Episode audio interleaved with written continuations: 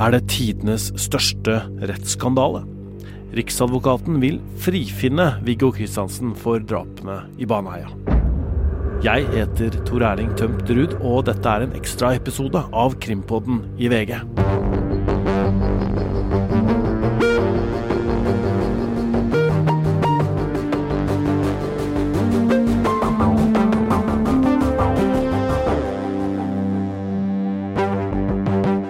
Er eh, tidlig på formiddagen fredag. På VG-huset i et lite møterom sitter forfatter og journalist Bjørn Olav Jahr. Han er spent, for i dag kommer avgjørelsen. Blir Viggo Kristiansen frikjent eller ikke? Jahr har skrevet to bøker om saken og har hele tida ment at Kristiansen er uskyldig. Før avgjørelsen er han ganske sikker på frifinnelse. Hvilke tanker er det du sitter med nå?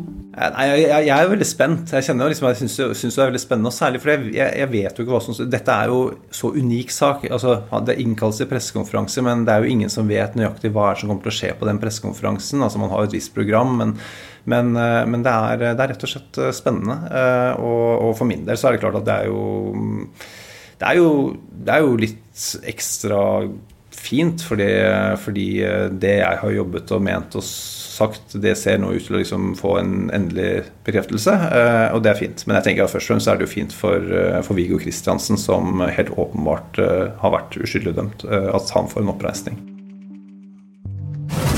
Hallo, velkommen. Takk. Å ta på stolen, så er det lettest. Perfekt. VGTV-studio blir bare ett av mange stopp han skal innom i dag. Ja, ja, det stemmer. Hva har gått galt i denne etterforskninga, sånn som du ser det? Uh, ja, Det er jo mye, men eh, la oss først starte med det som er bra. Da. Det som er bra er at De klarer å finne et kjønnshår på åstedet, og de klarer å finne ut hvem som eier det kjønnshåret, og det er Jan Helge Andersen. Men så kommer den første fatale beslutningen. At... Klokka ett er det innkalt til pressekonferanse. Midt i sentrum, på Oslo statsadvokatembeters kontor, gjør journalister og fotografer seg klare. Stemninga er spent, men rolig. Noen går direkte på TV-kanalene, mens andre gjør seg klare til å skrive. Riksadvokat Jørn Sigurd Maurud skal fortelle hva de har kommet fram til, og begrunne hvorfor. Påtalemyndigheten vil på denne bakgrunn nedlegge påstand om frifinnelse i gjenopptakelsessaken som behandles av Borgarting lagmannsrett. Og Formelt er det opp til lagmannsretten å avsi endelig frifinnende dom. Det må uansett fastsettes en ny straff for forholdene som er rettskraftig avgjort ved Kristiansand tingretts dom av 1.6.2001. Men straffen for disse forholdene er uansett ferdig sonet. Selv om det er lagmannsretten som endelig skal beslutte frifinnelse av Kristiansen for de handlinger i Baneheia han ble dømt for i 2002, så er det allerede klart for meg på bakgrunn av min egen vurdering av bevissituasjonen, at denne saken har fått dypt tragiske konsekvenser. Især for Kristiansen, som altså har sonet over 20 år i fengsel, og dermed har blitt frarøvet store deler av sitt liv. Også hans nærmeste har lidd et ufattelig tap. Jeg vil derfor på vegne av påtalemyndigheten på det sterkeste beklage den urett som er begått. Jeg har også den dypeste sympati med de etterlatte og pårørende til Stine Sofie Sørstrønen og Lena Sløgedal Paulsen, som i mai 2000 ble rammet av det mest grusomme som kan skje og jeg innser klart at gjenopptakelsesprosessen og denne beslutningen etterlater spørsmål som både de og mange andre ønsker svar på. Og vi har helt opplagt en oppgave foran oss i å vurdere hvordan vi kan og skal håndtere Baneheia-saken videre. Når vi altså får en sak som dette, som treffer rettsstaten så hardt, Da er det maktpåliggende at vi gjennomgår hele prosessen fullt ut. Og snur alle steiner for å forsøke å finne ut hva som gikk galt, og hvordan vi kan forhindre at noe tilsvarende skjer igjen. Ja, det var riksadvokat Jørn Sigurd Maurud da, som la fram sin, sin, mening om hva som skal skje med Viggo Kristiansen. Og krimkommentator Øystein Milli, eh, du fulgte også pressekonferansen. Eh, han var jo veldig klar her? Ja, det var klar tale, og det var et sterkt budskap fra, fra Maurud. Han uh, sier jo bl.a. at han ikke har funnet uh, avgjørelsen tvilsom, uh, og han kom jo med en redegjørelse som jeg eh, leser som en blank frifinnelse av, eh, av Viggo Kristiansen. Han ber jo også om en at hele påtalemyndigheten og hele saken, altså påtalemyndighetens og politiets befatning med denne saken skal underlegges en, en, en um, uavhengig granskning. og det tenker jeg understreker at um, han mener at denne saken har mye gått feil. Om det var sånn at man uh, nå la bort anklagene fordi at man ikke kunne bevise Eh, skyld, men at man likevel eh, mente at det ikke hadde vært så mye feil i saken, så tror jeg ikke det hadde blitt noen granskning. Men, men summen her, det tyder bare på én ting, og det er at dette er en svart dag for eh, norsk politi, norsk påtalemyndighet og også norsk rettsvesen. En mann som aldri skulle ha blitt pågrepet, tiltalt og dømt, har sittet halve livet, 21 år eller rundt 21 år, uskyldig i fengsel. Eh, og det var jo bakteppet når vi hørte en eh, gravalvorlig riksadvokat eh, både be om unnskyldning og redegjøre for hvordan dette kunne skje, og også ja, beklaga uforbeholdent. Hvis du da lener deg litt tilbake, Øystein, og på en måte ser på det du sa nå, litt sånn overordna, hva vil du kalle dette? Det det er klart at Før jeg sier det, så skal jeg bare si at det å sette ting opp mot hverandre, det, det er eh, vanskelig, og det skal kanskje ikke gjøres heller. Men det er jo ikke til å komme unna at dette kan kalles tidenes eh, største rettsskandale. Eh, og det er mange grunner til det. Eh, for det første så handler det om at det å bli pågrepet uh, i seg sjøl uh, for noe du ikke kan uh, ha gjort og, dømmes for, det er jo svært belastende. Og så er dette en ikke hvilken som helst sak. Det var en, en av de verste straffesakene du kunne kobles til. På den tida så var det vel kanskje den verste. Drap på voldtekt av to små jenter på åtte og ti år. Eh, det, det, er en så rystende forbrytelse at det er vanskelig å beskrive den. Og den ble jo da Viggo Kristiansen ikke bare kobla til, men han ble jo utpekt, og også oss i pressen, vi skal ikke, vi skal ikke stikke unna et ansvar vi også, eh, som en hovedmann og pådriver, mens Andersen var en etterdilter. Og så har vi da så ble han jo dømt, vi kjenner historien. Han sitter på forvaring, som er eh, et strengt soningsregime i, i mange år. og og blitt sett på som en, en folkefiende og beskrevet som et monster. Og så viser det seg jo, når man går etter denne saken, endelig, etter at kommisjonen har avvist den gang på gang på gang, og det har vært motstand mot å se på saken igjen hos eh, både pressefolk og uh, i politi og påtalemyndighet, så viser det seg altså da at uh, denne, denne, dommen finnes det ikke fnugg av grunnlag for. Og da er jo skandalen komplett. Mm. Denne avgjørelsen uh han sier at det ikke har vært vanskelig å treffe denne avgjørelsen, men allikevel så har det tatt så lang tid. Og, og han har vel, eh, Riksadvokaten, kjent eh, dette ansvaret tungt, da, eh, vil jeg tro. Hva, hva tenker du?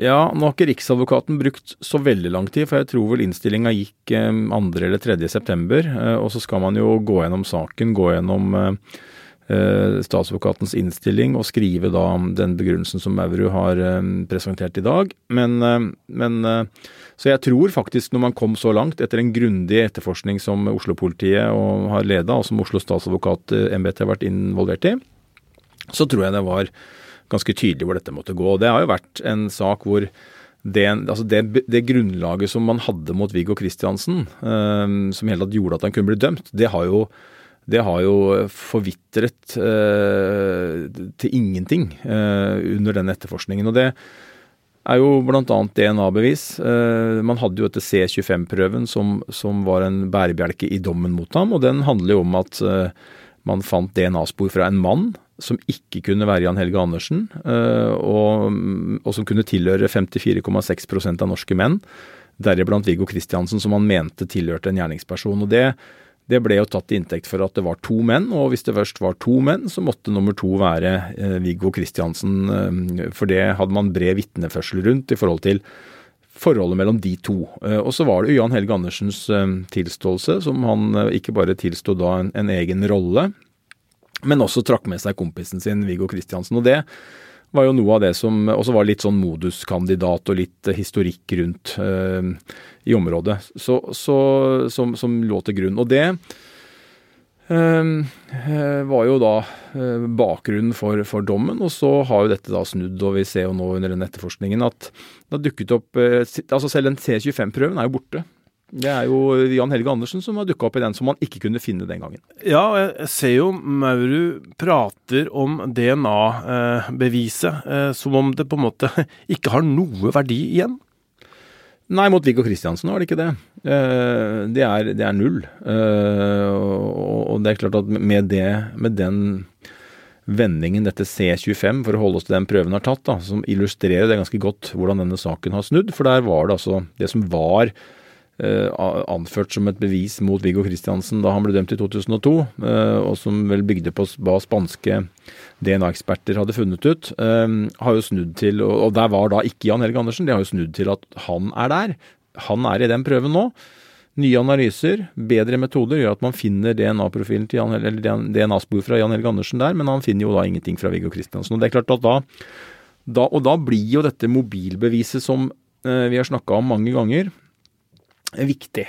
Eh, for det hoppa man på en måte bukk over, da. Det passa liksom ikke inn, det? Nei, og man, jeg vet ikke hvorfor man, man ikke forsto det eller tenkte at det måtte skjedd noe helt usannsynlig. Men det blir litt, som vi snakka om før også, det blir jo å snu litt på bevisbyrden, da. Man kan ikke liksom tenke at en sånn eh, nesten usannsynlig eh, ting skal ha slått inn, og så bruke det som et argument for at da må det være sånn. Poenget er at den mobilen som Viggo Kristiansen hadde, den er jo knytta øh, i et tidsrom der på ja, litt over øh, pluss-minus 45 minutter, så er den knytta opp mot en basestasjon øh, fire ganger med ganske korte tidsintervaller. En basestasjon som heter EG20 Nei, unnskyld, EG Eg, hva heter den? Han heter Eg A. Eg A, ja. Mm. Nå begynner det å gå i ball. Eg er området der, og basestasjonen ja. er A. Ja, og, og, den dekka jo hjemmet til Viggo Kristiansen. Bua til Viggo Kristiansen. Han sa at han var. Så den tyder jo på at han snakker sant. Mm. Og da er det jo sånn at man må uh, da må man legge det til grunn inntil det motsatte kan bevises.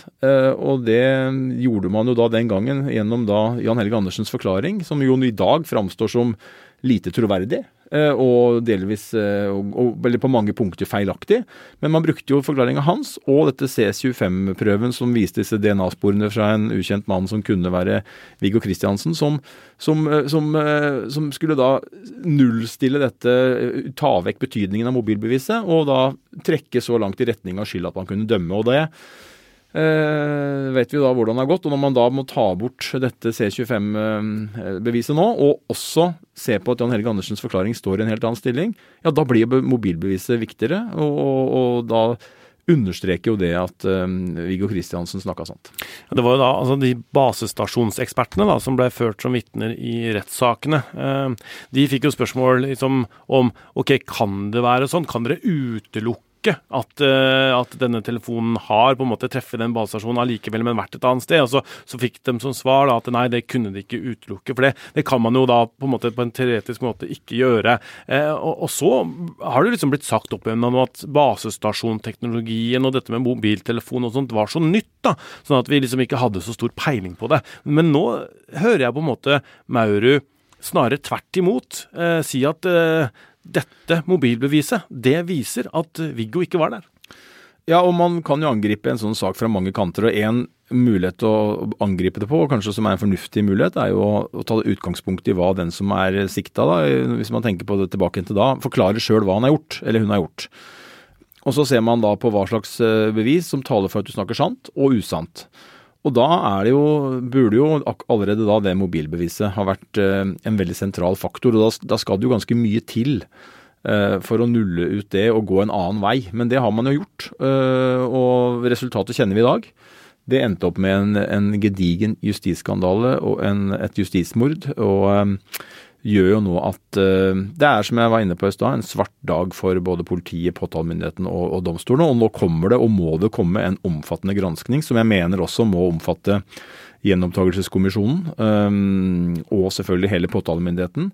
Og så er det jo et paradoks at man um, er prisgitt å ha folk som jobber gratis delvis for deg. Og at det har vært vanskelig vi hører at det har vært vanskelig å få oppnevnt advokat Sjødin som forsvarer i, for, for Kristiansen under, under den prosessen han har hatt med gjenåpning. Og det tenker jeg også er verdt å merke seg. Eh, Eh, hvis man skal ha et moderne rettssamfunn, så bør det være eh, sånn at eh, folk som er dømt, og som hevder seg dømt med urette, de bør få bør, Alle bør være interessert i at dommer som avsies, blir eh, testa, undersøkt, og at man forsikrer seg om da, at uh, dommen eventuelt står.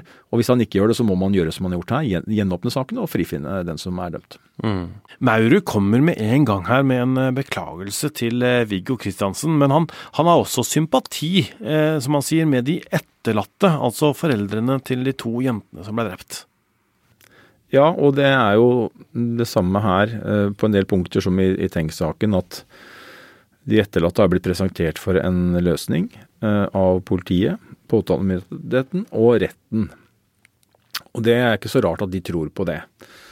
Uh, og så uh, viser det seg at det er feil, og at man har dømt eller holdt folk ansvarlige som ikke skulle vært holdt ansvarlige. Og da gjør jo det selvfølgelig noe med um, de pårørende som um, plutselig sitter med ubesvarte spørsmål, og som har hatt ja, det er vanskelig Det er umulig for oss å på en måte sette oss inn i hvordan de har det og har hatt det etter å ha da mista uh, i, denne saken uh, hvert sitt barn på åtte og ti år. Så, så det, det, er verdt å beklage det,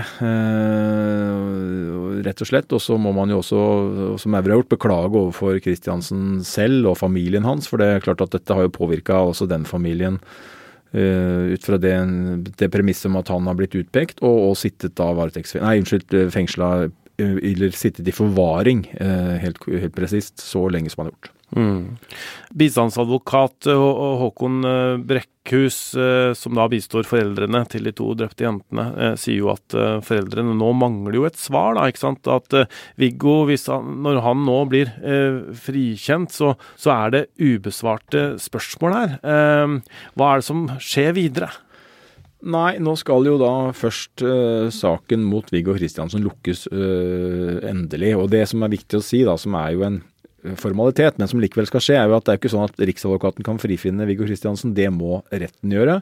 Og Borgarting lagmannsrett får nå da beskjed fra Riksadvokaten om at man nedlegger påstand om frifinnelse, og har også, han har også samtykket i en skriftlig behandling. og Så får man jo se om det, om det blir sånn, eller om retten finner ut at man må gjøre det på en annen måte. men alle, altså alt tyder jo på at retten kommer til å frifinne Viggo Kristiansen, som sagt, en formalitet. Det kan jo ta litt tid, selvfølgelig, fordi at eh, det skal berammes og sånn, men etter at den er, eh, dom, frifinnende dommen endelig er, er eh, endelig avsagt, så hørte vi Maurus si at man satser ganske store ressurser inn på å prøve å finne svar på hva som har skjedd i Baneheia.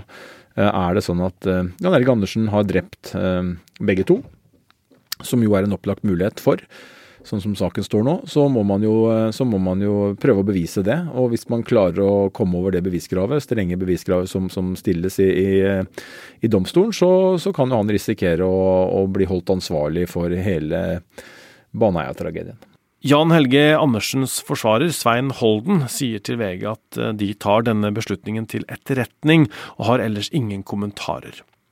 Bistandsadvokatene til foreldrene til Stine Sofie Sørstønen og Lena Sløgdal Paulsen holdt også pressekonferanse i dag.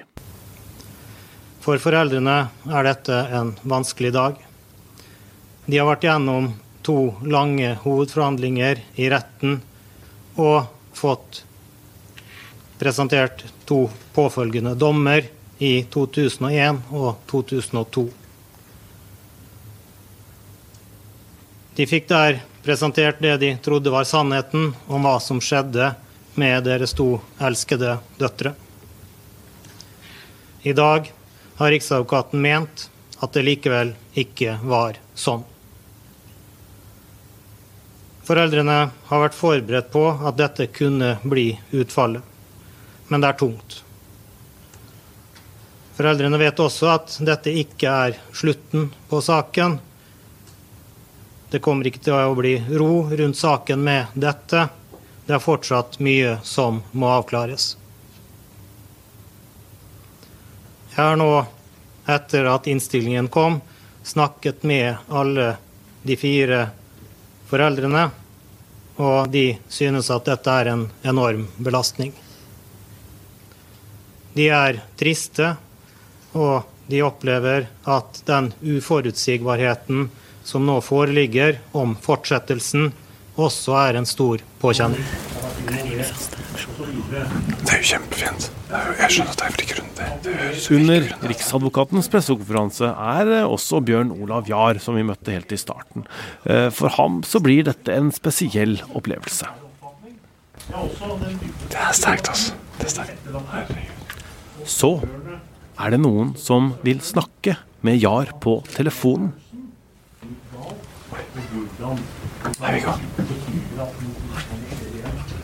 Ja, herregud, gratulerer selv. Herregud, det er jo fantastisk. Det er jo sånn utrolig grundig redegjørelse han gjør også, da. Det er eh, Ja, klart det. Du Ja, fantastisk. Det er veldig Nå skal jeg si, nå står det massevis av pressfolk rundt meg når jeg prater med deg, sånn at ikke du eh, tror, skjønner sånn at du bare veit det. Eh, Men fantastisk gratulerer til deg. Det er jo helt utrolig. Det er kjempefin den redegjørelsen han gjør nå. Viggo Kristiansen, da, som da etter alt å dømme blir eh, frikjent. Da er det jo snakk om en erstatning. Han har sittet i fengsla i over 20 år. Eh, hva, hva, er det vi snakker om eh, når det gjelder erstatning, da? Nei, Vi snakker om et høyt beløp, og vi har jo hørt eh, Arvid Sjødin, eh, forsvareren til Viggo Kristiansen, snakke om over 30 millioner. Um, og så er det jo en annen bit av denne erstatnings... Uh, si, eller det er en annen erstatningsbit her også, og det er jo at Viggo Kristiansen ble jo, som fetteren i Tenk-saken, som vi kjenner veldig godt, den også, dømt til uh, å betale erstatning. Og det er jo ikke noe som forsvinner uh, gjennom den strafferettssporet som vi snakker om nå. Det blir det samme som i Tenk-saken. Det, det, at retten frifinner Viggo Kristiansen for for straffesaken, det gjør jo ikke at erstatningsdommen mot ham forsvinner.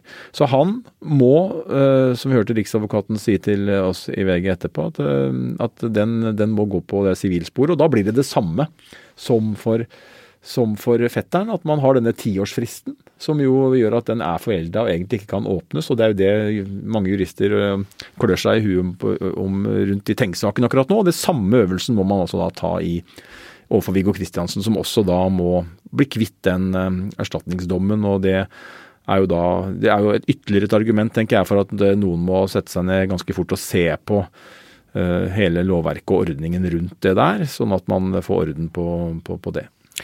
Men uh, denne uka her starta med tiltale uh, mot Jonny Vassbakk, tiltalt for å ha drept Birgitte Tengs i 1995 og avslutter nå på fredag, hvor det, det Viggo Kristiansen etter alt å dømme blir frikjent for, eh, for, drapet han ble dømt for, som da um, ble begått i år 2000. Det er litt av en uke?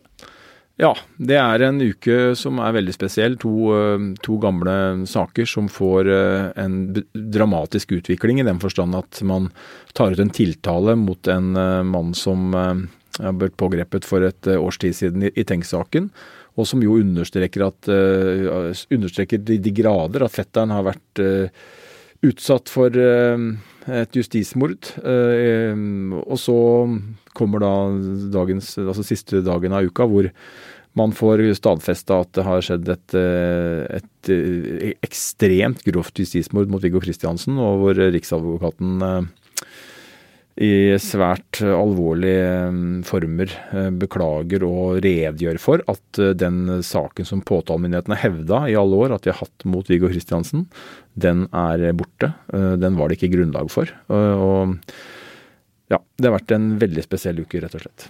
Denne ekstraepisoden er laga av produsenten vår Vilde Våren. Øystein Milli har vært med, og jeg heter Tor Erling Tømt Ruud.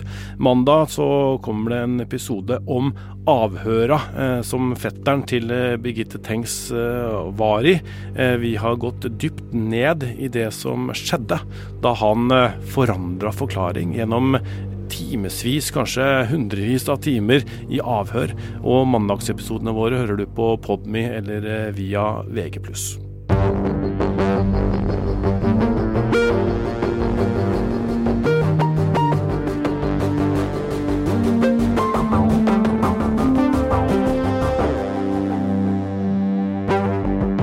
Du har hørt en podkast fra VG.